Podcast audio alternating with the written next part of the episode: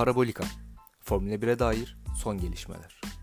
Hazırlayanlar Enes Gül, Oğuz Ağan, Emre Anıl Yılmaz.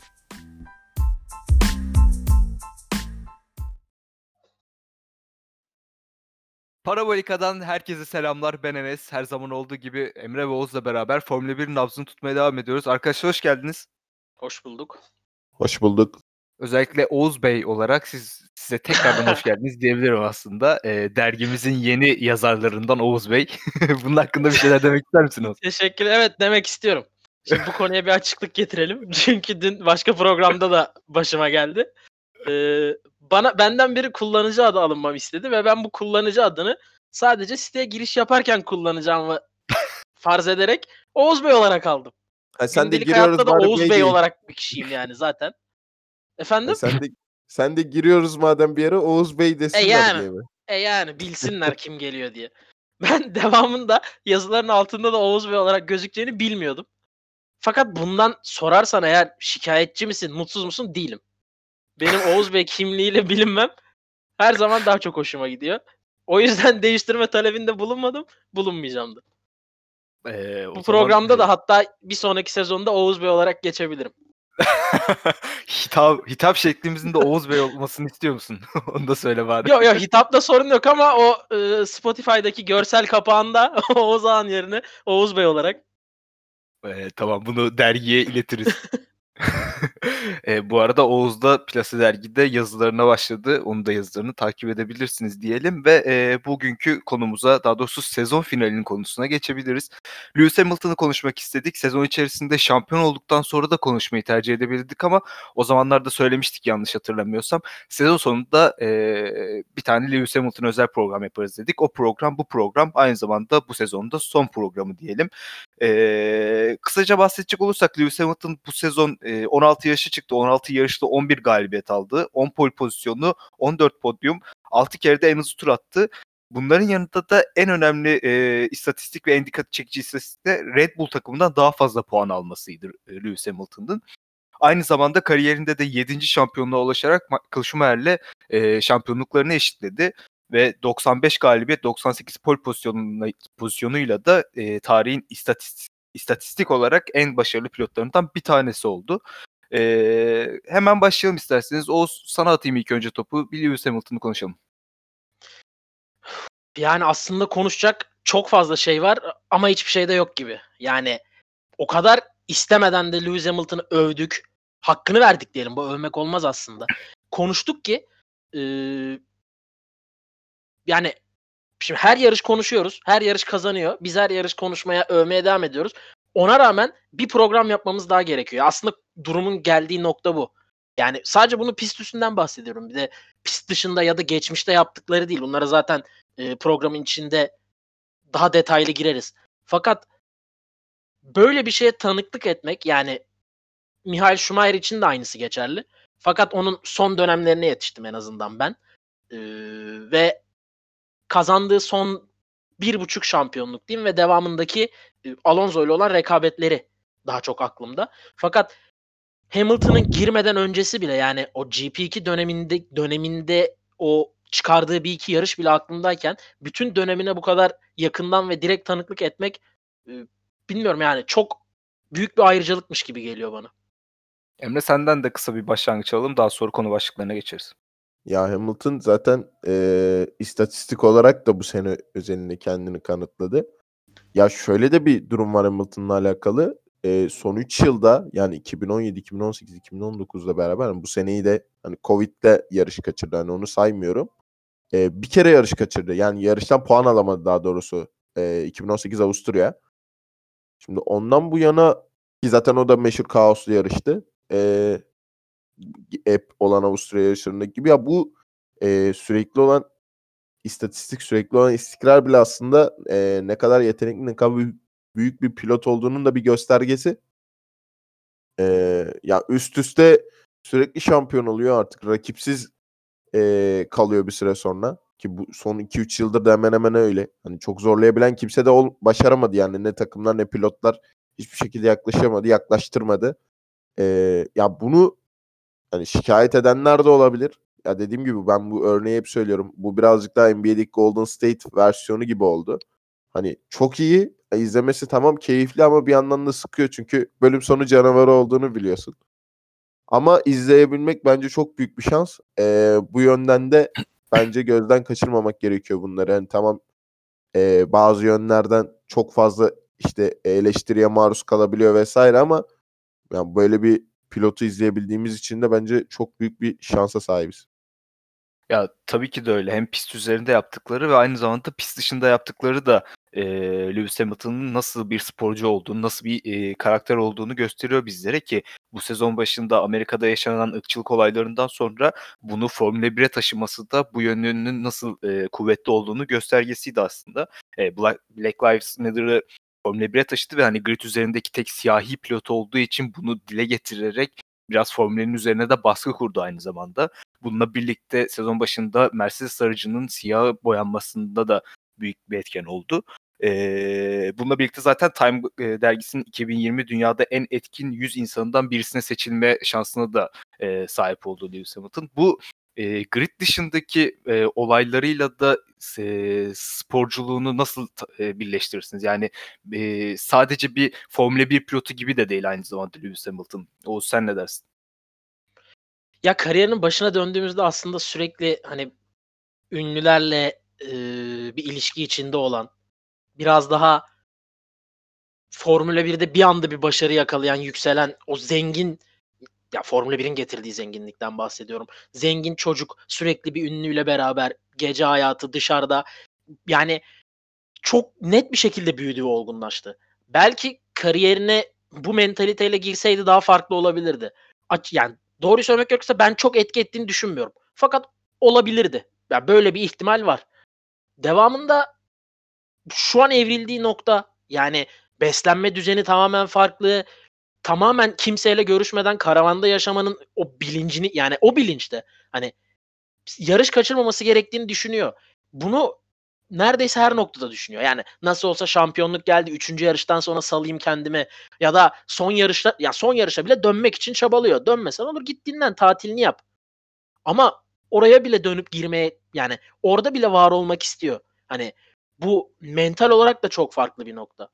Gibi ya o griddeki herkes orada olmak isterdi. Bu ayrı. Ama senin bir ayrıcalığın var geri kalanlardan. Sadece Formula 1 tarihindeki yerin değil. O sene için bile. Sen şampiyon olmuşsun yani. Senden beklenti yok ki Abu Dhabi'de.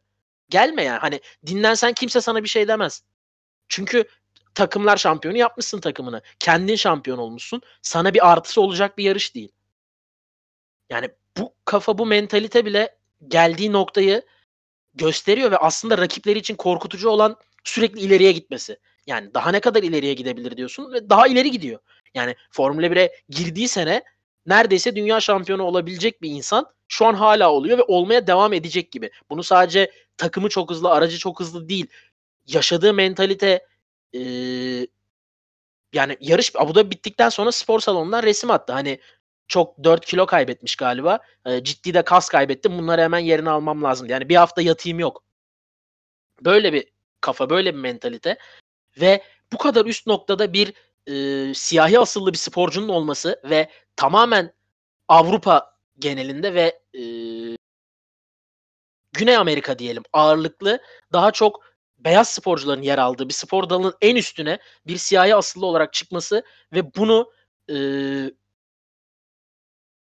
dünyada ezilen siyahi vatandaşlar için sesini duyurma, onların hakkını arama e, fırsatına çevirmesi her fırsatta çok değerli bir şey. Yani nereden geldiğini eminim çocukken o da zorluklar çekmiştir. Yani bilmiyoruz ama çekmiştir bu ırkçılıkla ilgili. Bunları unutmadan, e, geldiği noktayı unutmadan hiçbir zaman ya bunu ay, kendi sadece hani e, dünyadaki gibi beyaz iyidir, siyah kötüdür diye tersi bir şekilde ırkçılık da yapmıyor. Yani insan ayırmadan en üst noktada sesini dile getirebilmesi ve bunu etrafındakileri de değişti. Hani diz çöküyoruz Hamilton'dan çıktı ve pilotların çoğu çöktü. Yani bunu yaptırdı onlara. Yaptırdı derken burada bir zorlama yok ama bunu onunla ikna etti ve bunun duyulmasını, her yarış öncesi duyulmasını, belki de ırkçılığı bu kadar ciddi almayan ülkelerde bile duyulmasını sağladı.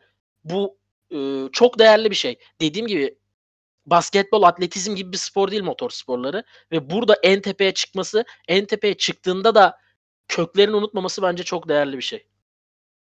Kesinlikle e, sen değindin oradan da devam ede- edebiliriz Emre ile beraber. Emre yani Lewis Hamilton'ın bu sezon özellikle mesela vegan diyetine geçmesi ve e, tamam ne kadar iyi bir araca ne kadar iyi bir takıma sahip olursa olsun kendisinin hiçbir zaman vazgeçmemesi ve düzenli olarak yani kendi açıklaması vardı bu sezon içerisinde yanlış hatırlamıyorsam. Bu sezon hiç dışarıdan yemek yememiş mesela. Yani e, zaten yıllardır bir şampiyonluk e, şeyim var, serüvenim var ve bunun üzerine de e, üstüne üstüne koyarak devam ediyorsun. Bu mentalitede devam etmesine nasıl bakıyorsun sen Lewis Hamilton? Ya bir kere zaten e, Türkiye Grand Prix sonrası e, orada şampiyonluğu kazandığı anki gön yani söylediği radyo mesajında aslında mesajı veriyor. Yani gönderdiği radyo mesajı söylüyor yani hayalinizden vazgeçmeyin. İşte ben buralarda olacağımı şahsen beklemiyordum ama e, işte çabaladık ve başarabilirsiniz gibisinden bir söylemde bulundu. Zaten buradan geliyor aslında. Yani daha çocukken genç yaşlarda kendine bu mentaliteyi yükleyebilmiş olması çok büyük başarı. Kaldı ki bunu hep gördük yani Formula 1'de e, şampiyon olabilecek potansiyelle gelip olamayan birçok pilot da gördük. E, keza bu diğer sporlar için de geçerli. Yani bakıldığı zaman evet, çok yetenekli birisi, büyük işte e, isim olarak çok yükseklere gelecek falan filan derken olmayabiliyor ama Hamilton'ın e, bunu yapıp e, bunu takip edebilmesi bu hayalini ve bu başarılarını bu mentaliteye sahip olabiliyor olması bence tamamen hani çocukluğundan kaynaklı bir şey. O hayal gücüyle kaynaklı bir şey. E, zaten bu yönden de kendisini eşsiz kılan noktalardan bir tanesi de bu.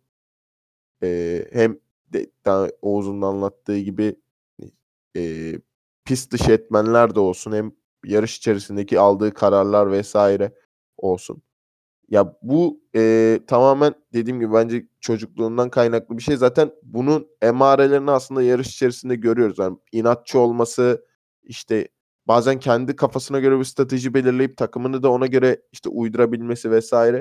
Ya bunlar çok çok büyük şeyler. Hani e, winnerlıktan ziyade biraz daha liderlik kısmı da var. Bu bence birazcık göz ardı ediliyor.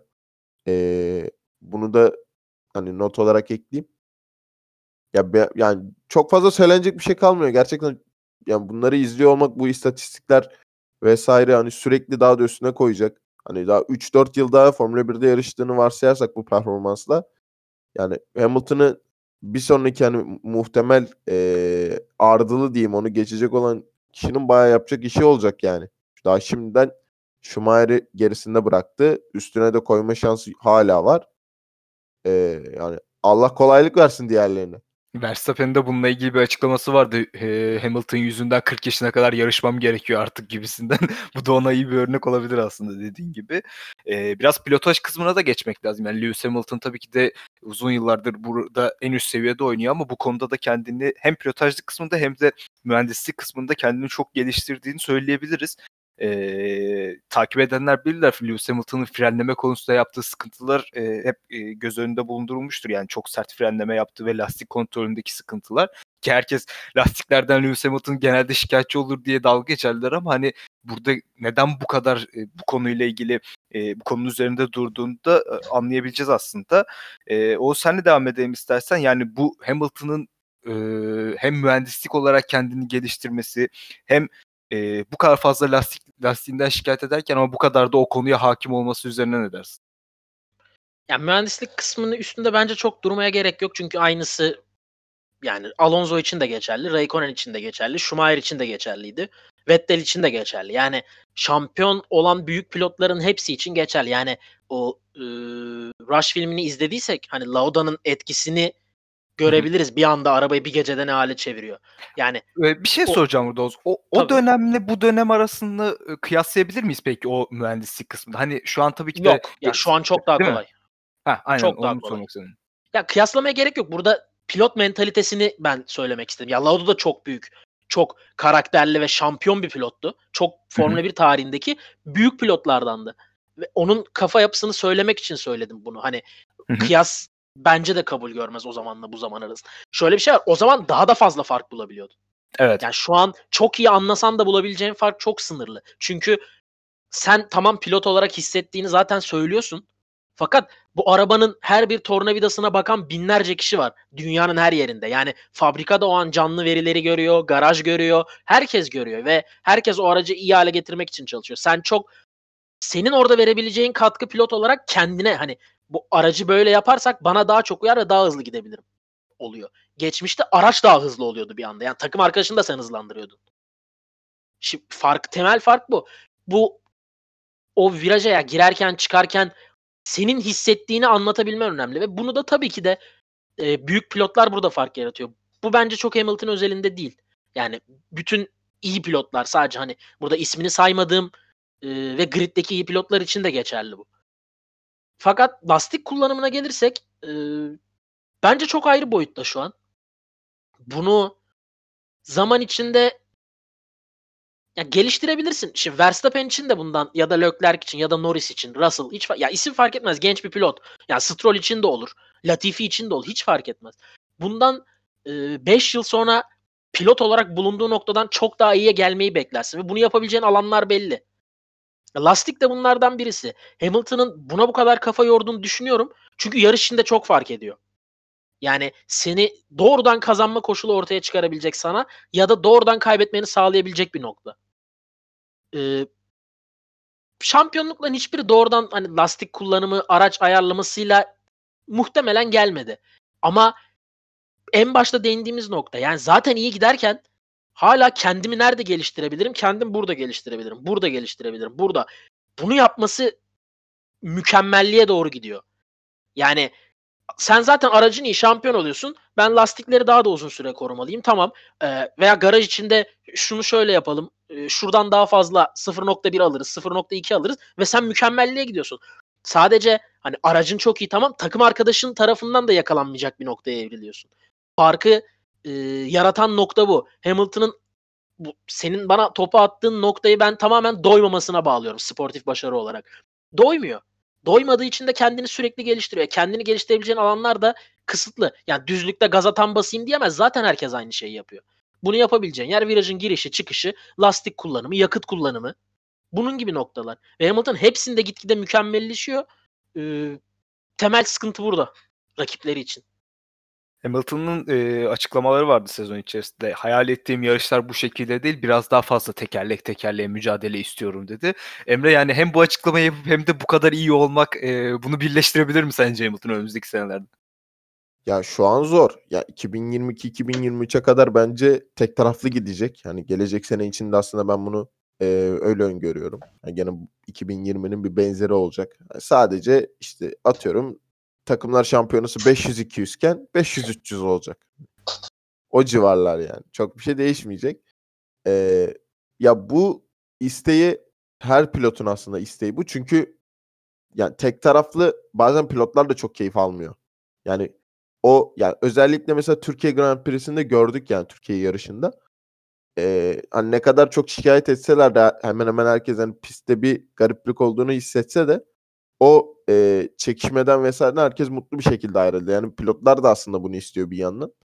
E, ama ya Hamilton'ın bunu söyleyip de işte biraz daha çekişmeli olsun vesaire e, demesi birazcık tabii absürt geliyor. Hani bu ne perhiz bu ne lanet turşusu oluyor ama tabii bu birazcık da e, Mercedes ile Hamilton'ın birbirini tamamen tamamlı, tamamlıyor e, olmasından kaynaklı aslında bu tek taraflık.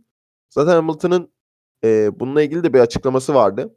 E, Türkiye yarışından önceydi sanırım. Şeyi sordular. Hani Mercedes birlikteliğinde hani e, McLaren'e kıyasla neye iyi yapıyorsunuz diye sordular. E, galiba Will Brixton sormuştu. Şu an hatırlayamadım. E, o da şey olarak cevap verdi. Şimdi ben McLaren'deyken mühendislik olarak yardımlaşamıyordum dedi. Yani ben bir fikrimi ortaya sunduğum zaman çok fazla kale alınmıyordu dedi. Ama dedi Mercedes'te böyle bir durum yok. Mühendislerle gayet iyi anlaşıyoruz. E, ortak bir payda da birleşmemizi e, daha çok kolay bir şekilde yapabiliyoruz gibisinden bir e, yanıt söyledi. Cevap verdi. Şimdi aslında bu böyle bu açıklama bile bir yandan e, takım içi ilişkilerinin de Hamilton'ı bu kadar çok yükseltebildiğini, Hamilton'ın da bu sayede takımı yükseltebildiğini görüyoruz. Yani e, iyi bir ortaklık birazcık daha böyle bir e, sürklase edebiliyor sezonları. Yani bu cevabı e, geçmişte de tabii ki önceki sezonlarda da vardı ama E, bu seviyeye iki, iki yani hem takımın hem Hamilton'ın çıkması demek ki takım olarak da e, ortak bir payda da daha hızlı bir şekilde daha ani kararlarla e, varabildiklerini gösteriyor. Ya dediğim gibi daha da uzun sürecek en azından bir iki yılda e, bu tek taraflılık ama ondan sonrası birazcık daha Hamilton'la Mercedes'in e, iç durumlarına bağlı bir de diğer takımların ne kadar geliştiğini. Bu arada hala sözleşme de imzalamadı. O da garip bir durum ama e, tabii ki de kesin imzalayacaktır. E, bakalım senin dediğin gibi olacak gibi gözüküyor en azından önümüzdeki 1-2 sene diyebiliriz. Bu sezona geçecek olursak aklınızda kalan şu, bu sezon üzerinde Hamilton'ın en keyif verdiği yarış hangisiydi? Oğuz ilk önce sana sorayım. İlk aklına gelen mesela. Türkiye'dir muhtemelen. Çünkü bence Türkiye'nin farkı şu kazanmayı beklemiyordu. Yani yarıştan sonraki tepkinin e, ağırlığı ya da yarış içindeki o full konsantrasyon modunda gördüğümüz Hamilton'ın sebebi buydu bence. E, Cuma'yı biraz sallanarak geçirdiler. Cumartesi yağmurda falan derken bir anda beklemedikleri derecede yavaş kaldılar. Yani geride değil yavaş diyorum çünkü geride kalırsın. Ama yavaş kalmazsın beklediğin derecede, beklemediğin derecede. Ve e, yarışın startında iyi bir start tamam. Doğrudan rakiplerinden birisi Botaş gitmiş. E, hata yapmışsın.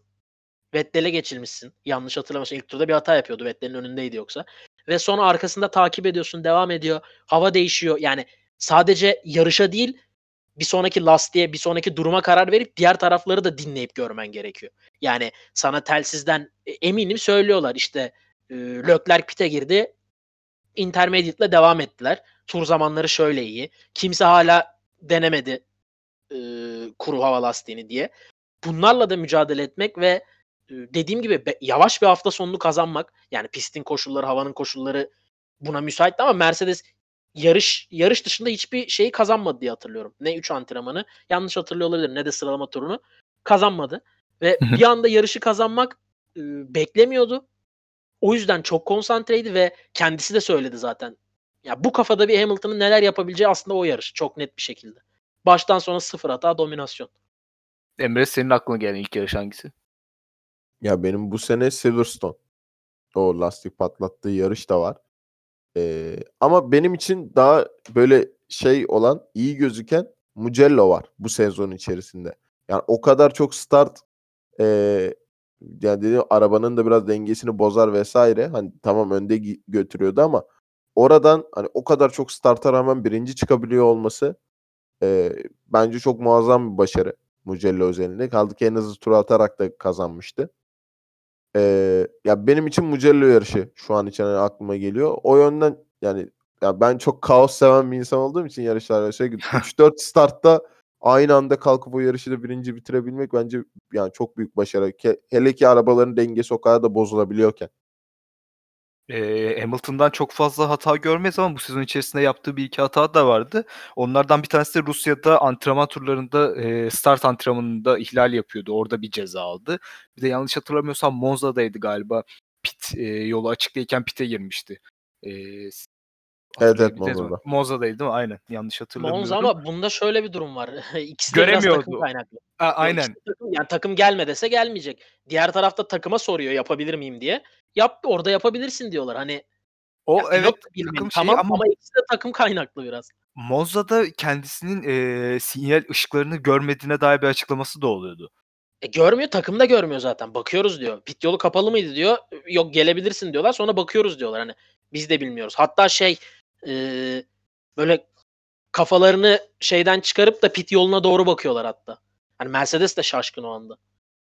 Evet, garip garip anlar yaşadık bu sezon içerisinde Hamilton hatalarında ama zaten dediğim gibi bu, bu hatalar çok da elinde olmayan hatalardı ve onun dışında da, pist üzerinde tekerlek tekerleğe giderken yaptığı hataları çok fazla görmüyoruz ki burada agresif davranan bir pilottur. Agresif rakipleri de var aynı zamanda. Eee, çok az da olsa o mücadelelere girdiğinde, eee, en azından iyi bir şekilde çıkıyor diyebiliriz Hamilton için. Eee, tabii herkesin me eee, merak ettiği demeyeyim de herkesin konuştuğu bir soru da var burada. Yani Lewis Hamilton Mercedes'in, eee, Mercedes'in başarısından dolayı, araç performansından dolayı bu kadar iyi olduğu konuşuluyor doğal olarak. Çünkü Mercedes gerçekten çok kaliteli bir, eee, araca sahip, iyi bir araca, hızlı bir araca sahip. Eee, bunun üzerinden de konuşmak lazım aslında. Gerçi biraz, eee, Hamilton üzerinden bu açıkladıklarımız e, nasıl bir cevap verebileceğimizi öngörmüş olabilir dinleyicilerimiz ama Emre senle başlayalım istersen. Yani Lewis Hamilton'ın başarısında aracın ne kadar payı var veya e, gerçekten sadece aracın bu kadar iyi olmasından dolayı mı Lewis Hamilton'da bu kadar fazla övüyoruz? Ya gerçekten sadece araçla açıklanamaz canım. Yani bu adam 2008'de de şampiyon oldu. E, McLaren'le. 2007'de çaylak senesinde olacaktı. İşte o Çin'de e, pite girerken çakıllarda kalmasıyla belki de şampiyonluğu kaybetti vesaire. Yani Mercedes'ten önce iki şampiyonluğu da olabilecekti belki de. Ya aslında yeten yani çok yetenekli olan bir pilottan bahsediyoruz. Yani burada araç şampiyonu tabiri yakıştırmak e, birazcık daha zor. Ya bence doğru değil yani. E, çünkü Mercedes'in de zaten gelişimi de ortada ama yani Hamilton durduğu yerde yani say, yani ilerlemeyen bir pilot değil, gerilemiyordu. Aksine yani sürekli ilerliyor. Hani sa- sabit duran birisi değil. E bu tamamen yani kendine de özgü bir şey. E takım da zaten hani e, Hamilton'ın da biraz daha dediğine uyan bir şekilde çalışıyor.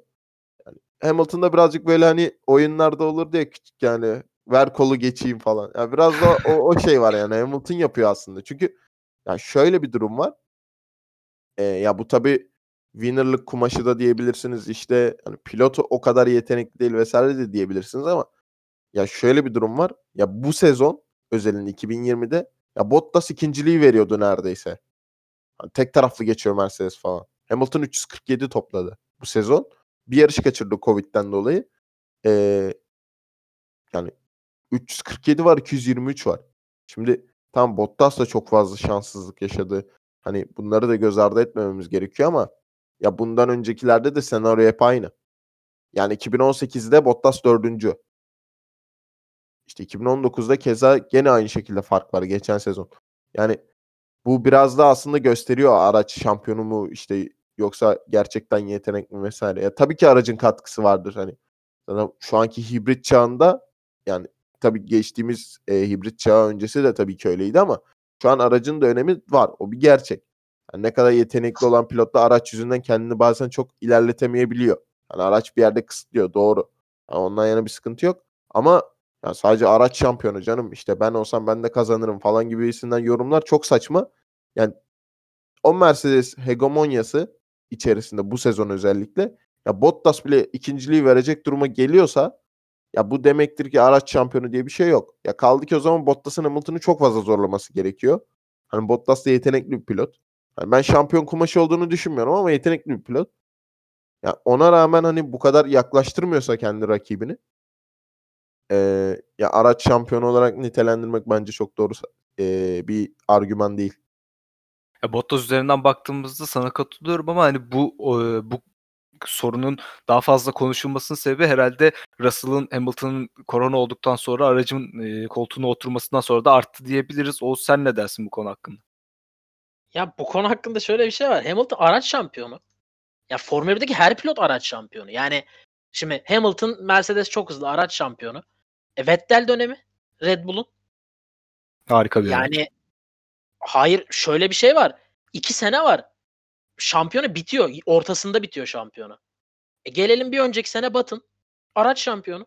Brown GP sezonun ilk 7 Aa, yarışında Brown GP çok çok sürprizdi ama.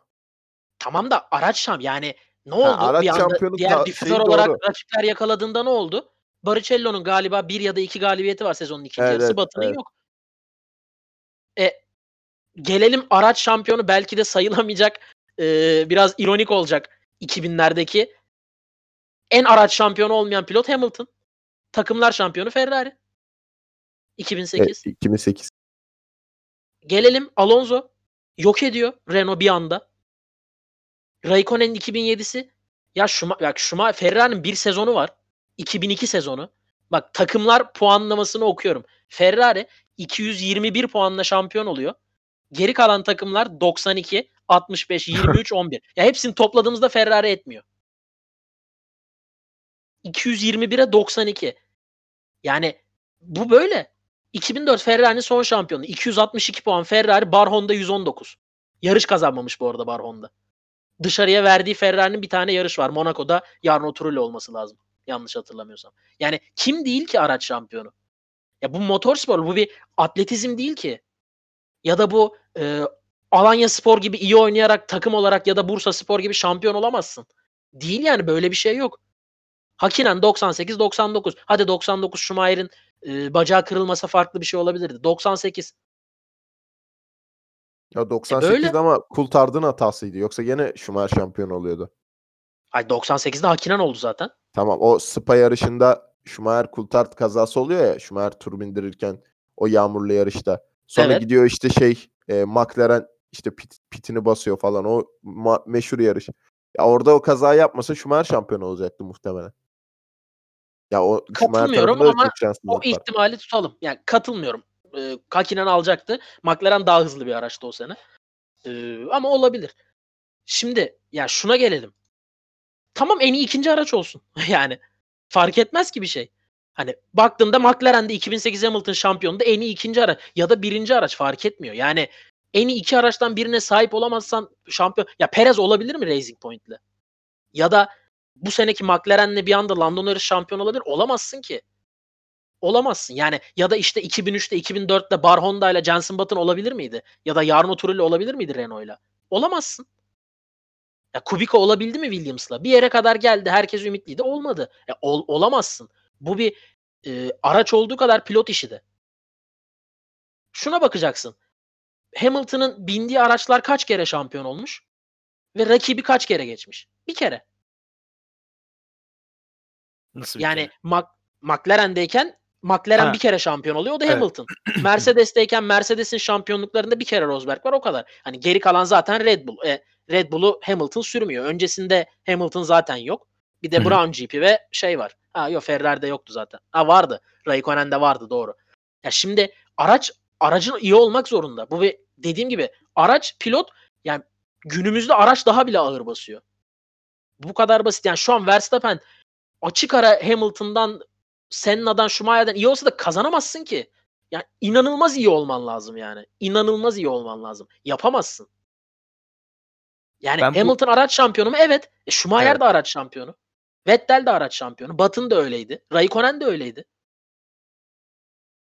Ben bu tartışmaları e, Formula 1 s- takip edenlerin biraz da e, Hamilton'ın anticilik yapanlara e, yapanların bu tartışmayı açtığını düşünüyorum. Diğer yandan da hani böyle çok fazla sıkı sıkıya bir Formula 1 takipçisi olmayıp ama ara sıra bakanların da yani bu, bu sporun sadece bir pilot sporu olduğunu ve hani araç geliştirme, araç tasarlama, e, bu mühendislik tarafının ve e, diğer takımdaki üyelerin bu işte çok fazla payı olmadığını düşündüklerini e, düşündüklerinden dolayı e, bu tartışmaya açtıklarını e, söyleyebiliriz aslında. Yani hani dediğiniz gibi ikiniz de çok güzel noktalara değindiniz. Tamam Hamilton e, çok iyi bir araca sahip ama bunun onun istikrarı ve, ve diğer ya sonuçta bu araçtan iki tane üretiliyor her sene ve e, Hamilton'ın hep bir takım arkadaşı oluyor. Senin de dediğin gibi Hamilton'ın e, takım arkadaşlarına yenildiği sayı çok az. E, bu yüzden sadece Hamilton'ın araç üzerinden değerlendirmek çok saçma olur ama bir yandan da tabii ki de Mercedes takımının e, Hamilton'a verdiği aracı da esirgememek lazım. Ama e, ben de sizin gibi Hamilton'ın bir araç şampiyonu olarak tanımlanmasını en azından doğru bulmuyorum. E, bir diğer tartışma konusu da yıllardır olan tartışma konusu aslında. Oraya da geçebiliriz. E, tarihin en iyisi kim diye soracağım ilk önce size. Emre senle başlayalım. Yani Schumacher'le Hamilton'ı karşılaştırıyoruz tarihin en iyisi olarak. İstatistik olarak Hamilton öne geçti. Ama tabii ki de sen özellikle bir tifosi olarak senin görüşlerini de almak e, değerli bizim için. Ya burada takımdaşlıktan işte yok o taraftarlıktan falan ziyade hani şunu sadece dile getirmek gerekiyor öncelikle. Ya istatistik olarak geçti. Ya şimdi bu 1-0 öne taşıyan bir şey. Ee, yani ne kadar hani şu an yani demin de konuştuk zaten işte Mercedes hegemonyası vesaire hani bunlar bir kenara istatistik olarak geçmeyi başardı. Yani çünkü Schumacher de hani e, bir röportajında çok eski bir röportajında kendisi de dile getiriyor. Yani zaten illa biri geçecek diyor. Yani çünkü ben diyor geldiğim zaman diyor işte Prost'un rekorlarını vesaire geçeceğimi düşünmüyordum diyor. Ya da Fangio'yu geçeceğimi düşünmüyordum yani şampiyonluk olarak. Şimdi geçti. Şimdi Hamilton geçti. Yani bu da ardılı olan bir şey. Yani sürekli zaten değişecek. Şimdi Schumacher kırılmaz diye gözüküyordu ilk e, bu hani bitirdiği zaman Ferrari dönemi bittiği zaman o e, Monza'da işte emekli olacağı işte mektubu falan okunurken orada bitti zaten tamam hani bitti. Herhalde daha kırılmaz 7 şampiyonluk. Hani üst üste e, Ferrari bir yere taşımış falan. E, 91 kere kazanmış bütün kariyeri boyunca. Hani hiçbir bitmeyecek zannediyorsun. Şimdi Hamilton geldi e, McLaren'den itibaren ki belki çaylak yılında şampiyon olsa belki hani bu seneyi de belki görmeyeceği. Yani 2019'da belki fiş çekecekti. E, oradan buraya istatistik olarak geçti. Yani Türkiye itibariyle 7, 7 dünya şampiyonası. Bu 264 yarışta başardı. Ha, bu bence püf nokta. E, 94 galibiyeti vardı. Sonra hemen bir yarış daha kazandı Bahreyn. 95 oldu. E, 164 podyumu var. 165 oldu pardon. Son yarışta da çünkü 3. oldu. Yani bunlar e, çok fazla bir şey gösteriyor. Ha, bana sorarsan bence kim? Schumacher şanssızlıklar yaşamamış olsaydı 9 şampiyonluğu vardı ama şu an. O da bir gerçek. Hamilton'ın kaç vardı?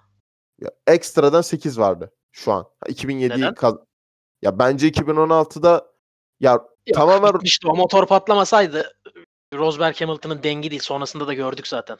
Ya orası öyle. Ama Rosberg en azından başarabildi bir şekilde. Yani o fırsatı geri tepmedi. Ama Schumacher'ın çok var. Ya İngiltere'de zaten bacağı kırıldı. 7 yarış var. İşte 97 Villanova'ya çarptı. Bütün sezon puanı silindi. Yani bir puan fark vardı. Bir işte orada 97'de galiba çarptı. Hemen çok ağır karar. Hani Kasti çarpma şu an Kasti çarpsa işte Azerbaycan Vettel Hamilton örneği var. Dur kalk veriyorlar. Ha, tabii ki sezon farkı var vesaire. Bütün puanı silindi. Ekstradan 2-3 şampiyonluk hani belki olacaktı hani. E, bunlar tabii farz-ı senaryolar. E, sadece Schumacher'ın eski döneme kıyasla çok fazla şanssızlığı var. E, bence birazcık da ben benim gözümde Schumacher e, yani Hamilton istatistik olarak geçti ama ben bıraktığı etki olarak Schumacher diyorum. Ya çünkü şöyle bir durum var. Şimdi Benetton'da iki şampiyonluğu var. Ferrari'ye geliyor. Ferrari'ye geldiği zaman Ferrari 1979'da en son pilot şampiyon olmuş. 1983'te takım şampiyonu. Ferrari'ye geldiği sene hani hiçbir şey yok Ferrari'de. Yani Ferrari, Jean Todt da tabii çok büyük öncü. Ee, yani o ikisi var ediyorlar. Yani şu an Ferrari Ferrari denmesinin sebebi hani son yıllarda başarısı yok 2007 dışında. E, Schumacher'le bir, gibi bir efsanesi var vesaire. Ama bir yandan da Ferrari hani bu kadar çok hani tabii ki Ferrari çok köklü bir takım vesaire ama bu kadar çok öne çıkartan ta- isim de Schumacher ve Jean Todt'tu yani. Şimdi Schumacher'ın e, bence bu aurası, bu etkisi e, yaşadığı da şanssızlıklar bence bir yandan. E, ya benim gözümü Schumacher'ı öne çıkarıyor. Ama Hamilton istatistik olarak da geçtiği için hani Hamilton diyen bir insana da ya niye Hamilton diyemezsin. Yani çünkü adam der ki bak şu şu istatistikle geçmiş. Şu etkiyi bıraktı bende gibisin. Ha, benim gözümde yani bıraktığı etki ve başardıklarından dolayı e, çünkü ya dediğim gibi Ferrari'yi baştan var etti bence. O yönden geldiği zaman. Ki kendini hani Benetton'da da tamam ne kadar şey de olsa o dönem için hızlı bir araba da olsa iki kere de ispatladı. Ee,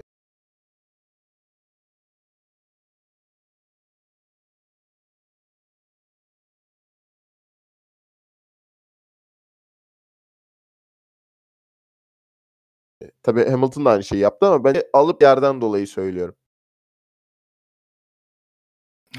Ben bu spor tarihin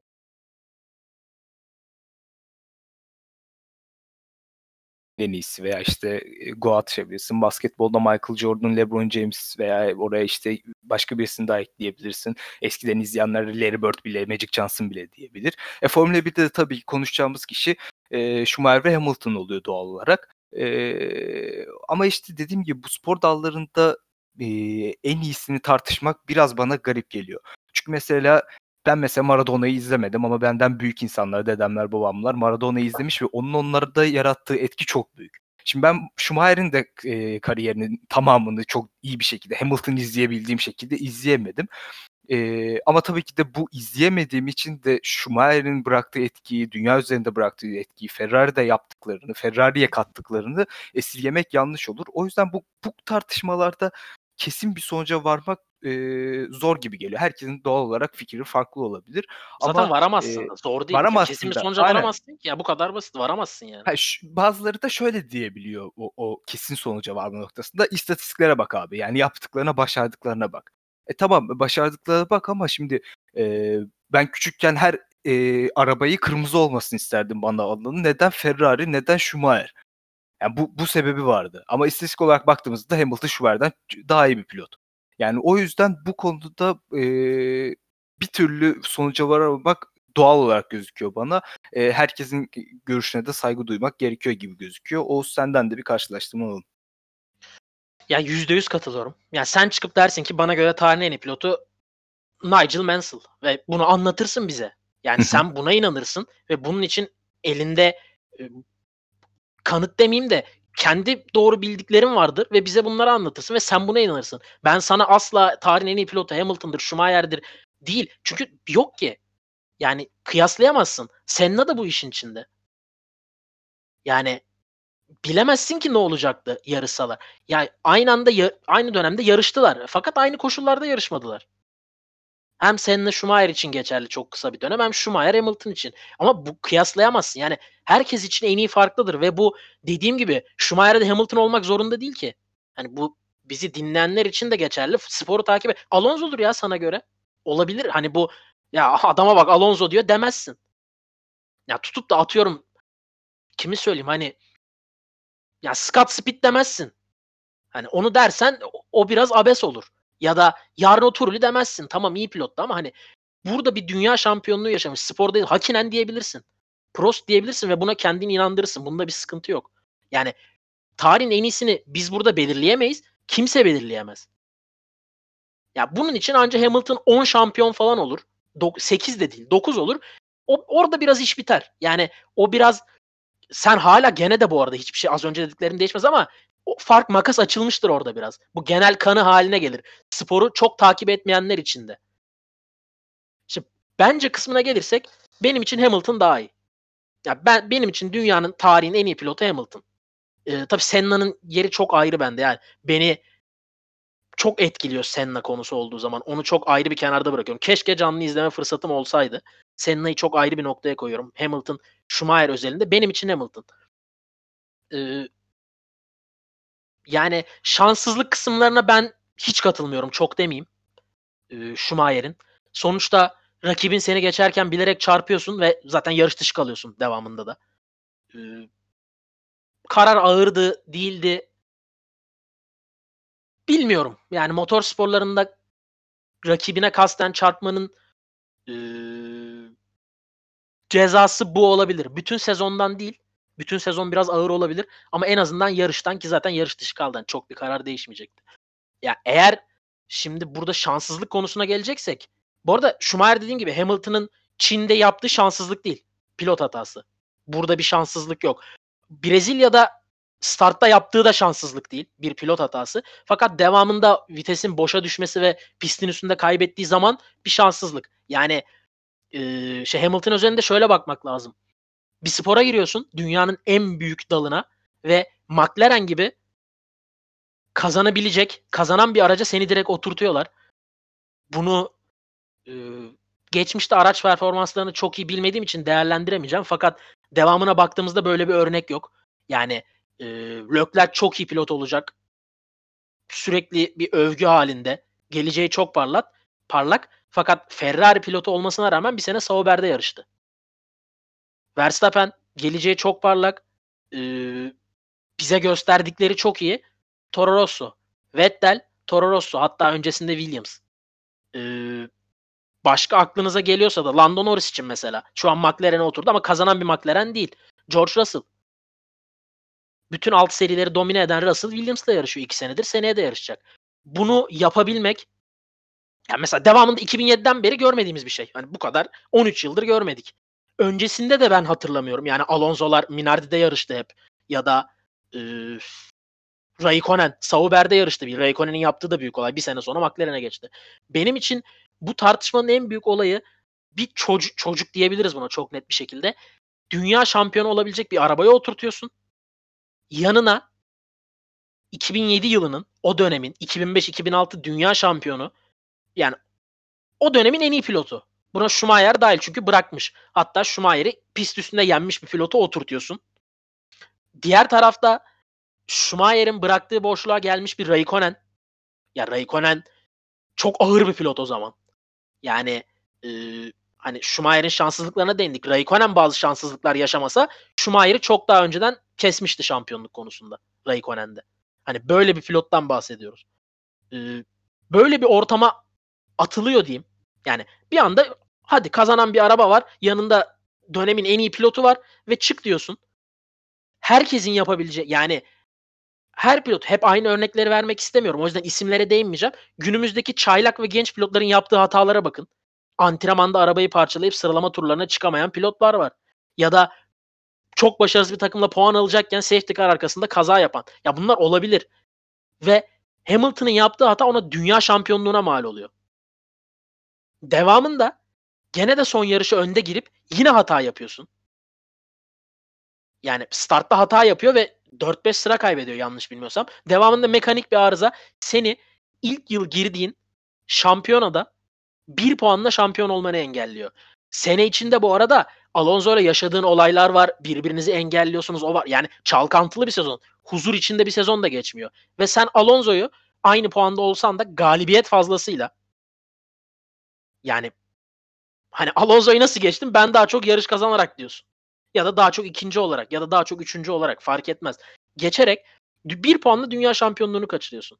Ya bu arada detaylara girmek istemiyorum. Spora adım atıyorsun. İlk 9 yarış galiba podyumdasın. Ya böyle bir şey yok. Hani ilk yarış çıktın tamam devamında podyumdasın. Daha 5. 6. yarıştan yarışını kazanıyorsun. Yani böyle bir şey yok. Günümüzde de yok. Ve muhtemelen bir sürede olmayacak. Ya yani Mick Schumacher mesela çok büyük beklentiler var tamam. Fakat nerede? Alfa Tauri'de. Şey e, Alfa Tauri dedim. Şeyde Haas'da. Haas'da. Yani böyle. Bunu e, ve o dönem yapmak daha zor. Çünkü o dönemki aracı kullanmak da daha zor. Direkt oraya oturtmak. Devam edelim. Bir yani herkes mesela şey çok konuşuluyor. Ee, Bottas'ın kazandığı yarış kadar Rosberg'in bir senede kazandığı yarış var. 9 yarış kazandı ya şampiyon oldu. Hamilton 10 yarış kazandı o sene. Hani herkes bu e, Hamilton'ı vurmak isteyen diyeyim ya da Rosberg taraftarlarının hep sığındığı nokta bu aslında. Bottas Hamilton'ı o kadar zorlamıyor. Bottas'ın kazandığı kadar bir senede kazandı Rosberg. Rosberg bir senede do- kazandığı 9 yarışta bile en çok yarış kazanan pilot değil. Ve devamında asla bilemeyiz yani. Schumacher bacağı kırılmasa mesela bence de şampiyon olacaktı. Ama yanlış bilmiyorsam bacağı kırıldığı noktada puan olarak geride. Geri dönüyor iki yarışta gene puan olarak geride. Yani iki yarışta 14'e 12 alıyorlar yanlış bilmiyorsam. Yani ben de ona inanıyorum ama eldeki veriler onu söylemiyor. Yani bacağı kırılmasa da şampiyon olabil- olamayacaktı gibi senaryo. Şimdi bunlar tamamen farazi. Yani Çin'de çıkmasa şampiyon olacaktı. Startta hata yapması Brezilya'da gene Hamilton şampiyon olacaktı. 2016 benim için dönüm noktası. Çünkü şöyle bir şey var. Ee, ben adım kadar eminim. Ya orada o motor patlamasaydı Hamilton dünya şampiyonu olacaktı. Zaten devamında da gösterdi. Yani e, buradaki bütün bu farazi konuşmalar içinde benim altına imzamı atabileceğim tek şey bu. Orada o motor patlaması Hamilton dünya şampiyonuydu ve üst üste aldığı sayılar bir anda e, 7'yi mi bulacaktı? Evet 7 7 olacaktı ve şu an geçmiş olacaktı. Bunlar e, çok ayrı noktalar ya. Yani Emre dedi ya 9 olabilir diye. Hani Hamilton da 9 olabilirdi ve Hamilton'ın 9 olması 2, 2 an ya. Yani pit girişindeki virajı 5 kilometre bölü saat yavaş dönse ve kendi hatası olmadan motoru patlamasa ki sene içinde Rosberg'in bilerek temasları da var. Çok ayrı bir nokta o. Çok yani 9 9 2 an hayatını değiştirsek 9 kere dünya şampiyonundan bahsediyorduk şu an. Beni e, kaç yarış kazanmış, kaç pole pozisyon almış. Ya bunlar hiç önemli değil. Hiç bakmadım bile sayılara programa gelmeden. Hani size de söyledim. Benim Hamilton deyince aklımda o iki an ve girdiğin sene ya neredeyse dünya şampiyonusun ya. İlk 9 yarış mıydı? 8 yarış mıydı? Podyumdasın. Yani bunu bu herkesin yapabileceği bir iş değil. Yapamadı da zaten gördük devamında. Beni Hamilton'da öne çıkaran nokta bu. Yoksa dediğim gibi 7 olmuş, 8 olmuş. Ya bunlar çok sporu çok yakından takip etmeyen insanların takılacağı nokta bence. Hani Kesinlikle. Emre nasıl dedi? Emre'nin değindiği nokta hani ben de Hamilton açısından diye değiniyorum. Yani o, onun dediği noktalara. Bu arada şunda hem fikrim. Schumacher çok daha büyük etki bıraktı Hamilton'dan. Hamilton 8 olsa 9 olsa da bu böyle olacak. Gerek e, Bence en büyük etken Ferrari'de yarışması. Yani Ferrari bu sporun en büyük markası ne olursa olsun. Ve Ferrari'de o kırmızı arabada yarışması senin de Enes söylediğin gibi bence Schumacher'deki en etkileyici nokta bu. Bu yüzden Hakinen'le olan rekabeti de biraz abartılıyor. İşin içinde McLaren ve Ferrari olduğu için. Bu yüzden Alonso'nun o kırmızı aracı, o Schumacher hegemonyasını sonlandırması da biraz abartılıyor. Sonuçta Alonso da en hızlı araçtaydı. 2005'te. Doğru. Yani hem Schumacher'in büyüklüğü çevresine de yansıyor. Demek istediğim nokta bu. Yani e, sadece spora bıraktığı etki isim değil. Çevre Hakilen'le olan rekabeti. Yani mesela bununla ilgili şimdi süre çok uzar. Birkaç araştırma yaptım. E, yani bir 10 saniyenin altında biten yarış sayısı çok az mesela Schumacher Hakiner rekabetinde. Ya birisi yarış dışı kalıyor. Şampiyonaların sona kadar gitmesi bu kadar büyük olmasının temel nedeni birinin yarış dışı kalması. Aslında bu yani, açıkladıklarında da e, bir diğer tartışma konusu da hani Hamilton'ın Schumacher gibi rakiplerle yarışmadığında konuşuluyor. Buna da bir e, açıklık getirmiş oluyorsun bu açıklamanın. Ya bak çok çok kısa, çok kısa değineceğim. Bir iki dakikanızı alayım. 98 Dünya Şampiyonası ile ilgili hızlı hızlı geçeceğim. İlk yarış Schumacher yarış dışı. İkinci yarış Schumacher bir dakika yiyor. Üçüncü yarış bu sefer Hakinen 23 saniye yiyor. Dördüncü yarış Hakinen yarış dışı. Beşinci yarış Schumacher 47 saniye yiyor. Altıncı yarış Schumacher 2 tur yiyor. Muhtemelen bir arıza var. Bir sonraki yarış Hakinen yarış dışı. Sonra iki yarış üst üste Hakinen 20 saniye yiyor. Sonra Schumacher 40 saniye yiyor. Ya böyle geçiyor. Yani olay bu. 2000 mesela 2000'in rekabetçi olmasının tek sebebi Schumacher'in bir 5 yarışın 4'ünde yarış dışı kalması. Yoksa Schumacher domine ediyor 2000'i. 2000'de rekabet falan yok. Bir 5 yarışın sezon içinde oluyor bir de. 4'ünde yarış dışı o 5'in 4'ünde yarış dışı kalmanın da kazanıyor zaten. Kanada olması lazım kazandığı yarışta. Schumacher'in e, Hakinen'le olan rekabetinin abartılıyor dediğim kısmı bu. Yani zorluklar rekabeti yaratıyor. İkisi de yarışsalar aslında McLaren önde 98'de. 99'da zaten ayağı kırılıyor. 2000'de Ferrari açık ara önde. Aynı yani... ya ben şuna katılmıyorum. Şöyle bir şey var. Aynı pilotla yarışmadılar. Bana göre Schumacher'in gerçek anlamda rekabet ettiği söylüyorum. Yoksa e, Senna'yla da aynı pistte bulundu. Hakinen de dahil bana göre yarıştığı en zor pilot Fernando Alonso. Michael Schumacher'in. Ve e, bu yarışta en zor bana göreyi tekrar vurguluyorum. En zor rakibi girdiği sene yendi Hamilton. Hamilton'ın da bana göre yarıştığı e, Schumacher'le yarıştı fakat rekabetçi araç olmadığı için. Yarıştığı en büyük rakip Alonso'dur. İkisinin de aynı olduğu için değerlendirebiliyorum. Bunu kendi nezdinde. Ve ya buradan şunu söyleyeceğim. Çok uzattım e, konuyu kapatmadan. Şu istatistik beni çok rahatsız ediyor. Bilmiyorum sizde durum ne. E, karşılarken, kıyaslarken iki pilotu şey ama Schumacher'in Mercedes dönemini katmazsak. E, bu çok saçma geliyor bana. Ya o zaman Vettel'in de Toro Rosso dönemini katmayalım. Ya o Katmıyor. denmesinin sebebi bırakıp geldiği için. Yani ya emekli oluyor. iki sene, iki sene, üç sene sonra bir daha gel. Ya tamam yani ama hani bu, sporda bu şey gibi. Ya şey gibi Jordan babası vefat ediyor. İşte bir buçuk sene beyzbol sonra geliyor bir daha şampiyon. Bir yıl sonra tabii ilk geldiğinde şampiyon olmuyor vesaire. Hani bu birazcık ona benziyor. Ya o yüzden orada, zaten orada hani... aslında bu çok farklı. Hani orada e, Jordan'ın çok dinlendiğini, kendini sıfırladığını falan iddia ediyor. Hani konular karışmasın. O biraz farklı. Ama benim demek istediğim şu. Geldi ve yarıştı. Yani iki yarış misafir yarışçı olarak yarışmadı. Hatta bu takımın temellerini de attı. Ama bunu katmamak e, her pilotu. Yani o zaman Verstappen'in bu dönemlerini hiç katmayalım ileride şampiyon olduğunda. E çünkü şu an en iyi araçta değil. E hep ikincilik, üçüncülük oluyor. Ya da e, Hamilton'ın o McLaren'in çok kötü geçtiği 2-3 yılı katmayalım konuşurken. Ya da dediğim gibi işte Vettel'in Toro Rosso'su hiç girmesin olaya. Yani bu e, çok mantıksız ve bence bu tip konuşulmamalı. Yani ortada bir kariyerler varsa bütün yarışlara bakılmalı. Beni bu kıyaslamada en çok rahatsız eden nokta bu. Yoksa dediğim gibi kim iyi kim kötü ya buna zaten biz karar veremeyiz. Herkesin de iyisi kötüsü kendine göre değişir. Ya şu programı herhalde İngilizceye çevirsek ve Hamilton'a dinlesek o seninle tanışmak isteyebilir Hamilton. Ama gayet güzel bir açıklamaydı. Ee, kendi düşüncelerini çok güzel paylaştın. İkiniz de çok güzel paylaştınız. Teşekkür ederim. Ee, Hamilton'ın Sen tabii... de paylaş biraz ya. Ya bu konuda. Aslında benim kısa ve öz yani o ilk başta söylediklerim gibi. Ya Schumacher çok fazla e, izleye, izleye yani kariyerin tamamını izleyebildiğim bir pilot değil ama dediğim gibi araba ne zaman bir oyuncak araba istesem kırmızı olmasını isterdim. Hatta size de bir fotoğraf atmıştım. Uzaktan kumandalı bir aracım var küçükken. Kırmızı o. Hani küçükken tifosiydim ben de der, dedim size. Yani hep, hep e, bunun nedeni de Schumacher'di. Ee, ama hep söylediğim gibi bu tartışmaları yapabilmek için bir istatistiğe bağlı kalarak işte o böyle yaptı, o şöyle yaptı, o şunu kazandı, o bunu kazandı diyerek kesin bir sonuca varamam.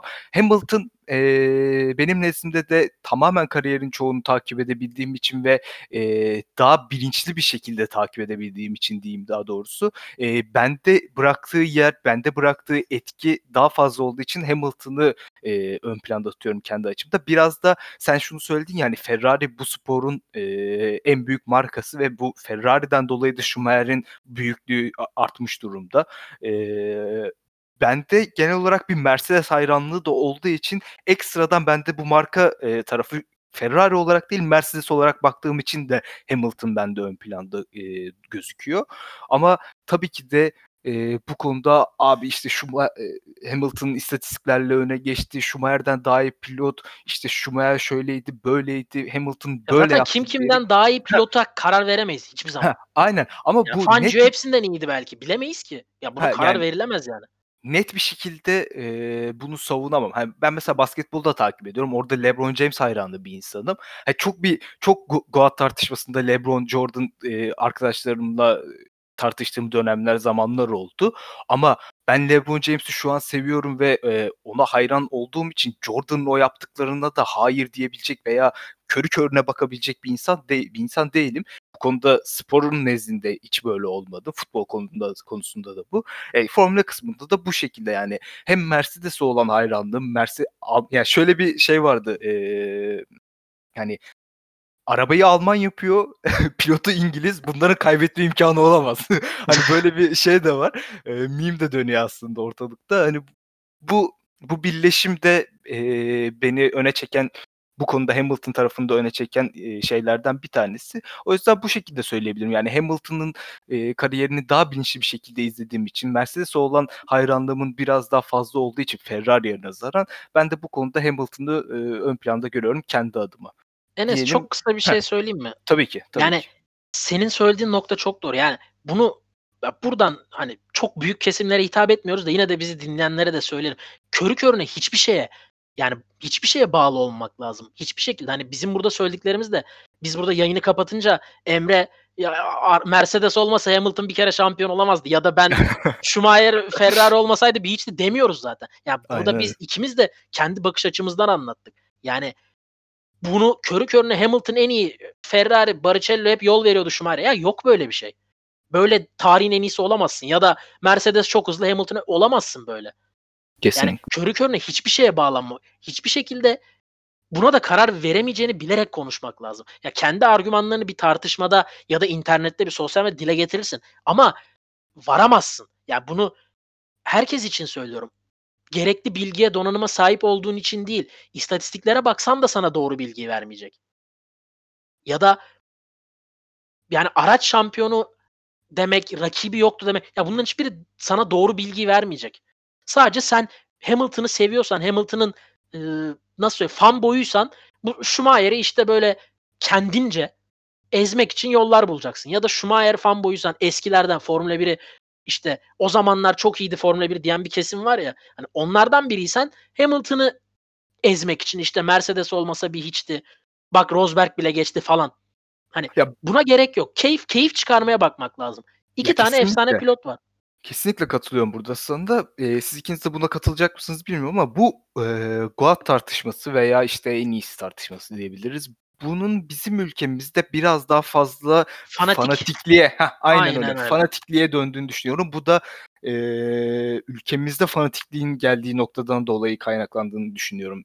En azından siz de öyle düşünüyor musunuz bilmiyorum. Hani yurt dışında tabii ki de fanları, tabii ki de daha çok seveni bizim bizde olduğu gibi onlarda da vardır. Ama abi e, dediğim ki yani Hamilton'ı izliyor, Hamilton'ı seviyor ama abi Schumacher'i de izlemiş veya işte Schumacher'i de izlemese bile sonrasından e, işte internetten, YouTube'dan buradan takip ederek görmüş ve ona da saygı duy- duyma kitlesi biraz daha fazla maalesef ki. Bu da bizim ülkemizin e, özellikle futbol taraftarlığından ve fanatizmliğinden gelen kaynaklanan bir olay olduğunu düşünüyorum. E tabii burası tartışılacak farklı bir nokta ama üçümüzün de görüşü bu şekilde diyebiliriz bu konuda. Zaten e, bu tarihin en iyisi konusunun bu programın ana maddesi olduğunu biliyorduk. E, güzel de tartışma oldu aslında aramızda. Yani tartışma değil daha doğrusu fikir e, fikirlerimizi söylemiş olduk.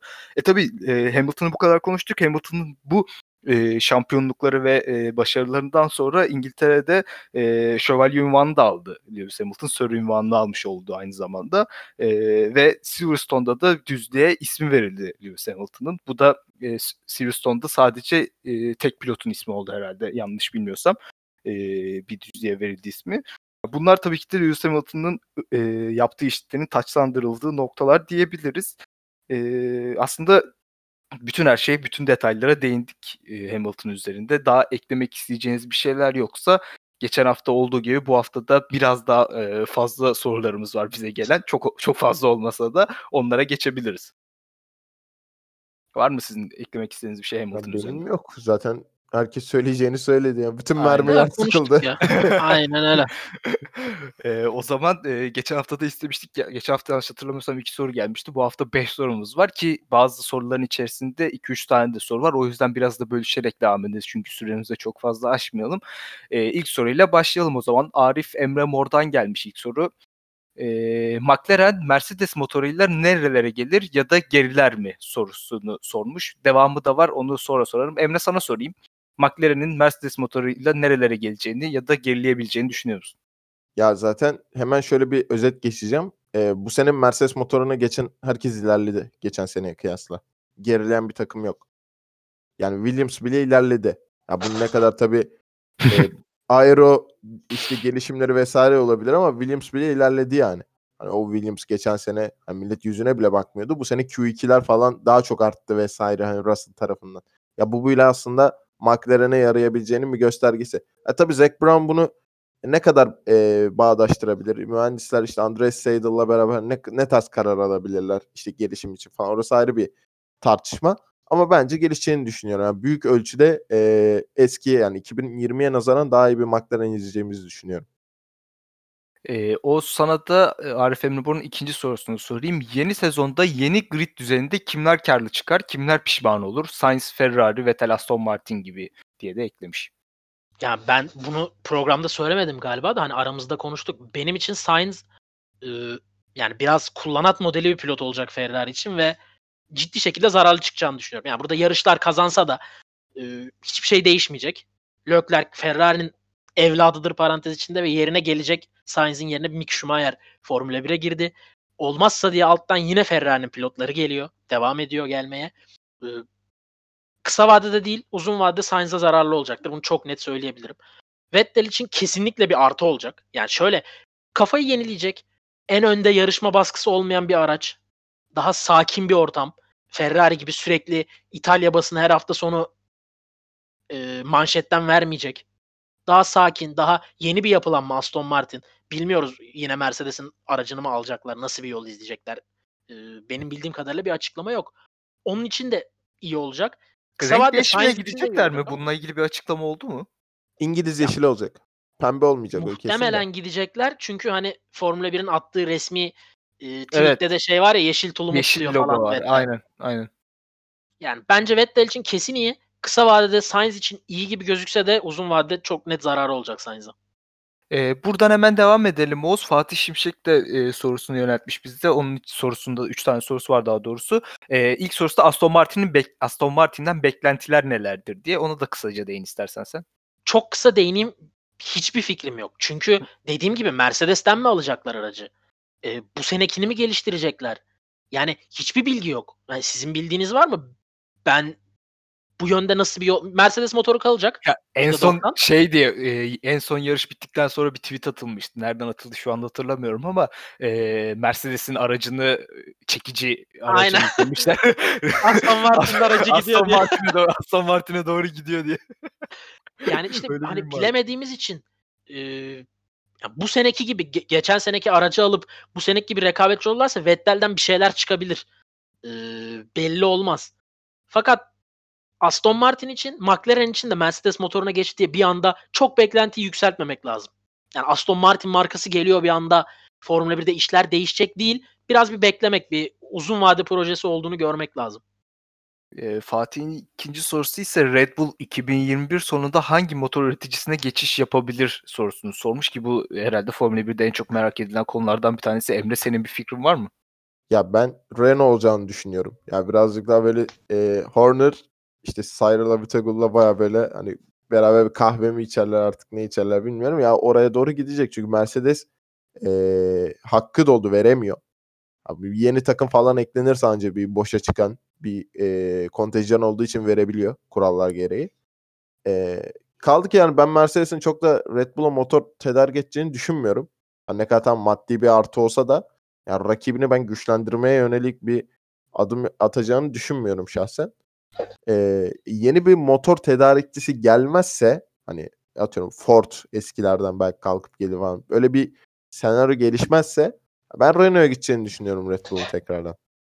Ya ben açıkçası e, bazı okuduğum yerlerde de Honda ile görüşüp e, o motoru kendilerinin devam ettirmesini e, devam ettirmek istedikleri yönde de bir şeyleri var, e, düşünceleri var diye okudum ama ne kadar doğru ne kadar yanlış bilmiyorum. Sonuçta Red Bull bir motor üreticisi değil. E, bunu ne kadar başarabilirler, bu riskin altına girirler mi o da önemli tabii ki. E, Honda ile başarıyı yakaladılar, burayı da kaybetmek istemiyorlar gibi gözüküyor. E, son sorusu ise Fatih'in Albon'un 2019 Brezilya Grand Prix'si ve 2020'nin ilk yarışında podyuma çıkışı Hamilton tarafından engellenmeseydi koltuğunu yine de kaybeder miydi?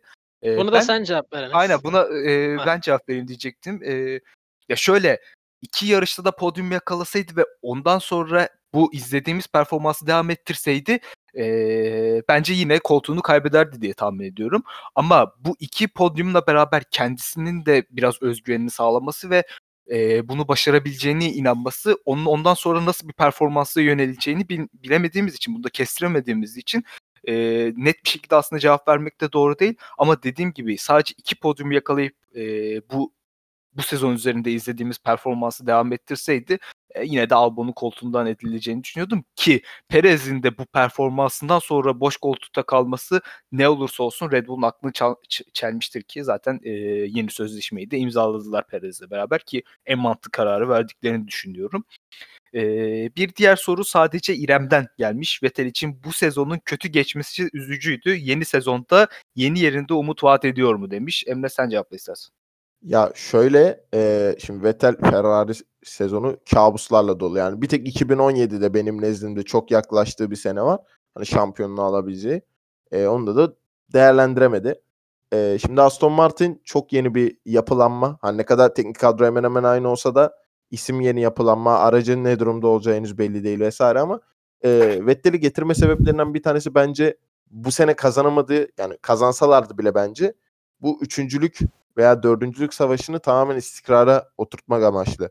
Yani Vettel e, Perez'e kıyasla yani ne kadar tam bu tartışmaya açık bir konu ama e, Perez'e kıyasla bu tarz yerleri daha iyi götürebilen bir pilot. Yani kafa yapısını da bence bir süre sonra toparlayacağını düşünüyorum ben Aston Martin'e. Çünkü zaten e, son yaptığı açıklama da yani Ferrari'deki son sezondan sonra hemen yaptığı açıklama var. Geçtiğimiz haftalarda bu şey söyledi yani açık açık söyledi. Leclerc bir sonraki yarışı düşünüyordu. Ben gelecek yılı düşünüyordum dedi. Şimdi bu kafadan kalkıp Aston Martin'e geliyor olması, yani Aston Martin düşünerek hareket ediyor olması bence çok büyük artılar e, gösterecek Vettel için. E, ya tabii ki artık bir şampiyonluğa oynar vesaire diyemiyoruz. Yani o, o tren kaçtı Ferrari ile beraber ama e, daha iyi bir Vettel göreceğimizi düşünüyorum ben Ferrari dönemlerine kıyasla. Özellikle son iki dönemine kıyasla. E, değerli takipçimiz Apindangoye'den e, iki, iki hafta üst üste ikinci sorusu geldi. E, Oğuzhan'a sorayım bunu da. Perez'in ikinci pilot olmayı kabul edeceğini mi yoksa Bottas'tan farklı olarak birinci pilot olmak için sınırları zor- zorlayacağını düşünüyor musunuz diye sormuş. İlk sen cevap istersen benim de Ee, söyleyeceğim bir şeyler var. Öncelikle kendisine bugün karşılaşmada başarılar diliyorum. Ee, Ayıptır ya. kadroda kadroda var mı bilmiyorum ama ben Büyük başarılar diliyorum kendisine. Ee, devam ya ikinci pilot olmayı kabul etme. Bottas ikinci pilot değil. Bottas sezon içinde ikinci pilot olmaya evriliyor. Bu her pilot. Ya sen çıktın ilk yarış ikinci oldun Verstappen dördüncü oldu. İkinci yarışa çıktın sen üçüncü oldun Verstappen dördüncü oldu. Üçüncü yarışa çıktın e, işte atıyorum Verstappen 3 sen 4. Ya sen ikinci pilot değilsin ki. Sen oraya kendin gidersin. Yani hiç Mercedes'te şeyi gördük mü ilk yarış mesela? Bottas 1 Hamilton 2 giderken Hamilton sen öne geç de. Zaten Bottas götüremez sezonun sonuna kadar. Hani sen al git. Yok. Yani takımların %90'ında yok. Verstappen için durum ayrı. Verstappen'i pamuklara sarıp saklıyorlar. Fakat e, iki yarış geçtikten sonra ikinci pilot diye bir şey olmayacak ki. Sen o umudu ya tamamen farazi konuşalım. E, Hamilton iki yarış yarış dışı kaldı.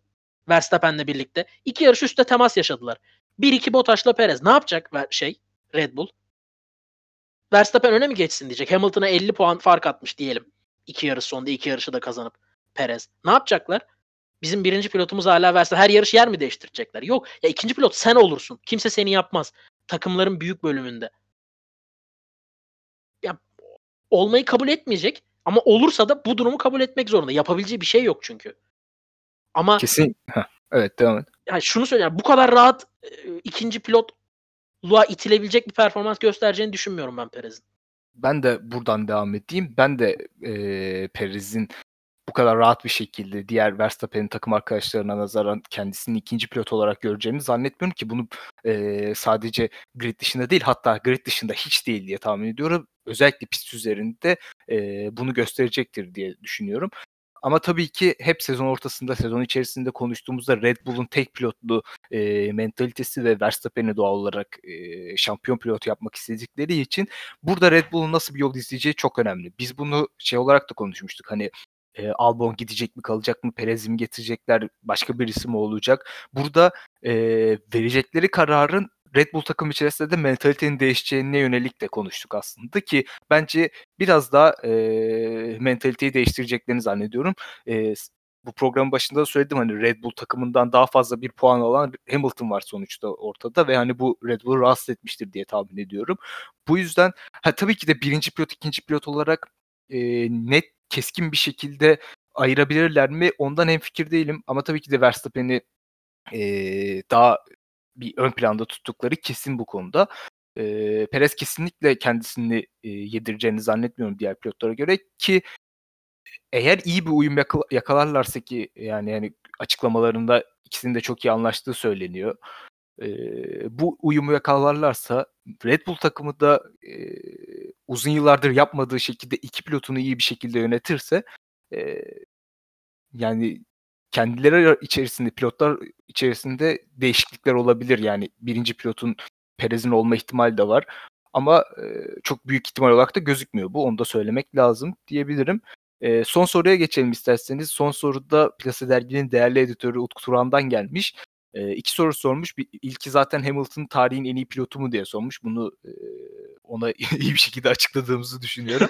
e, ikinci sorusu da Ferrari ve Williams neden mazilerinden bu kadar uzaklar diye sormuş. Gayet güzel bir soru bence. E, isterseniz biriniz Ferrari'yi biriniz Williams'ı konuşalım. Daha sonrasında kapatalım. Tamam, Emre sana Ferrari... Williams Oğuz alsın. Önce ben tamam. tamam. Sen Ferrari'yi bir konuş istersen. Yani Williams bu soruya daha çok uyuyor bu arada. Ben Ferrari'nin o kadar mazisinden uzak olduğunu düşünmüyorum. Williams çok uzak mazisinden. E, bunun nedeni bütçe maalesef bütçe. E, yukarıdaki takımların bütçesine çıkamadı Williams.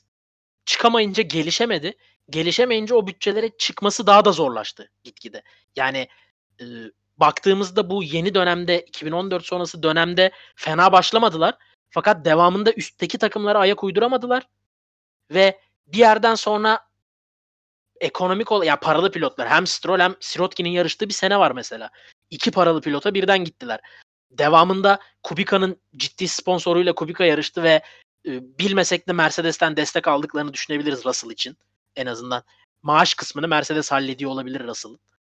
Bu tip şeylerle e, iyice gittiler. Yani biraz birbirini götürdü. Başarı varken gelişemediler. Üstteki takımları yakalayamadılar. Sonra başarı gidince yavaş yavaş para da gelmemeye başladı. Sponsor da gelmemeye başladı. Para gidince başarı zaten gelmiyor. Hani bu kısır döngüye girdiler kendi içlerinde. Ve e, Williams ailesinin de çekilmesiyle birlikte yakında Williams takımı bile mazi olabilir yani. Umarız böyle bir şey olmaz ama hani bu da yakın gelecekte olursa çok şaşırtmaz bence bizi. Senden de Ferrari alalım Emre. Ya Ferrari yönetim kadrosu bir kere çok değişti. Bence o çok büyük etkenlerden bir tanesi.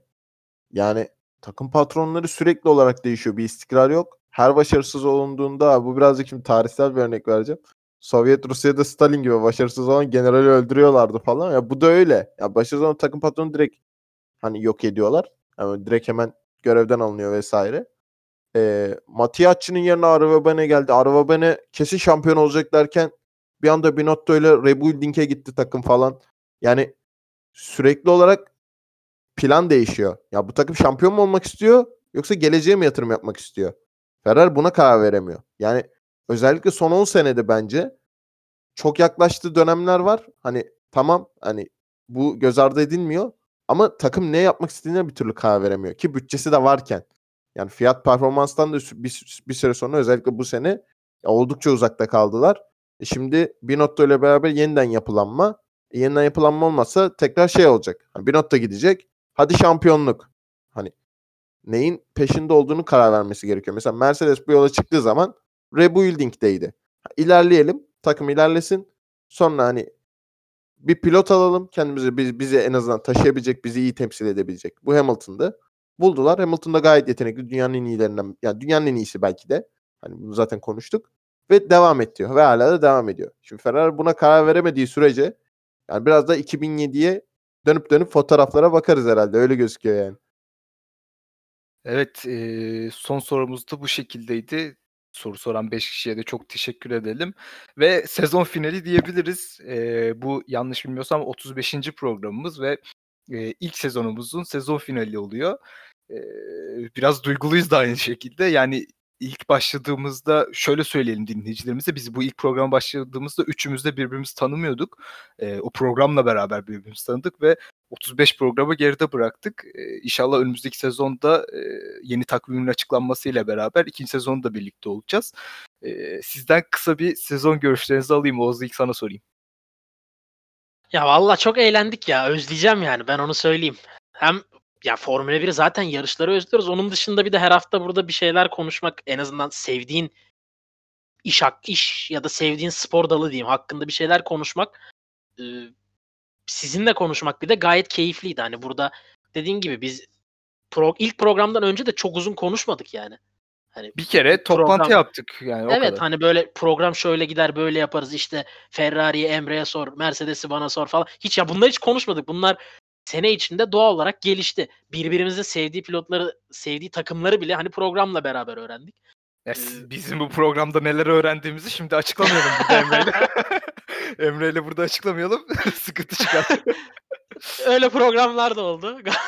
Gayet ee, bilmeyenler komik. için e, Türkiye Grand Prix'si öncesinde yaptığımız ilk programa bakabilirler.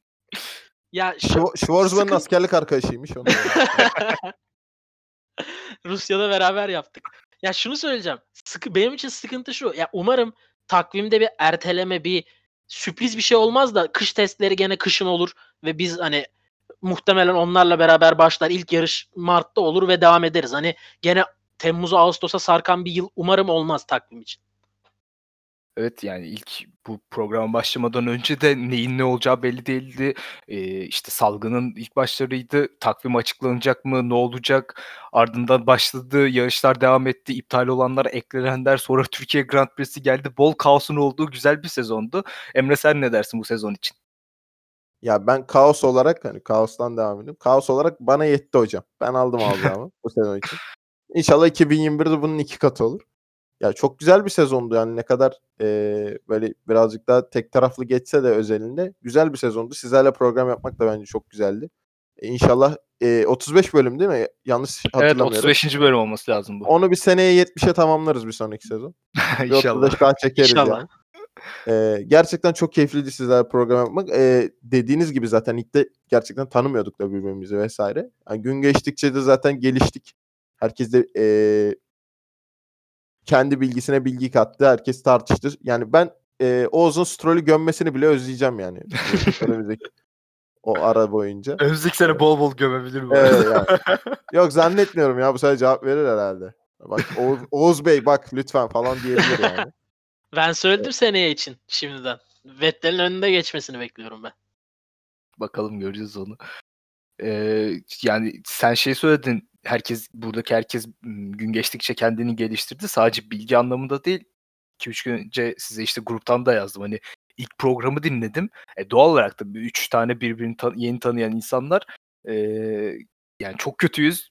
Bazen böyle sıkılıyormuşuz gibi e, konuşmalarımız oluyor ama şu an geldiğimiz noktaya baktığımızda e, gerçekten çok keyifli ve e, birbirimize çok fazla şey katarak geldiğimizi düşünüyorum.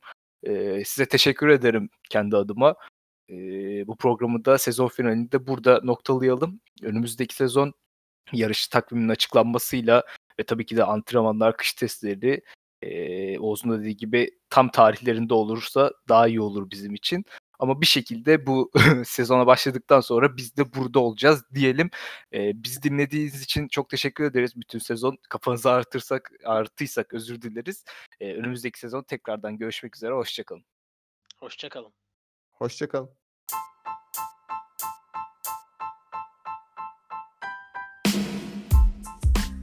Parabolika Formula 1'e dair son gelişmeler.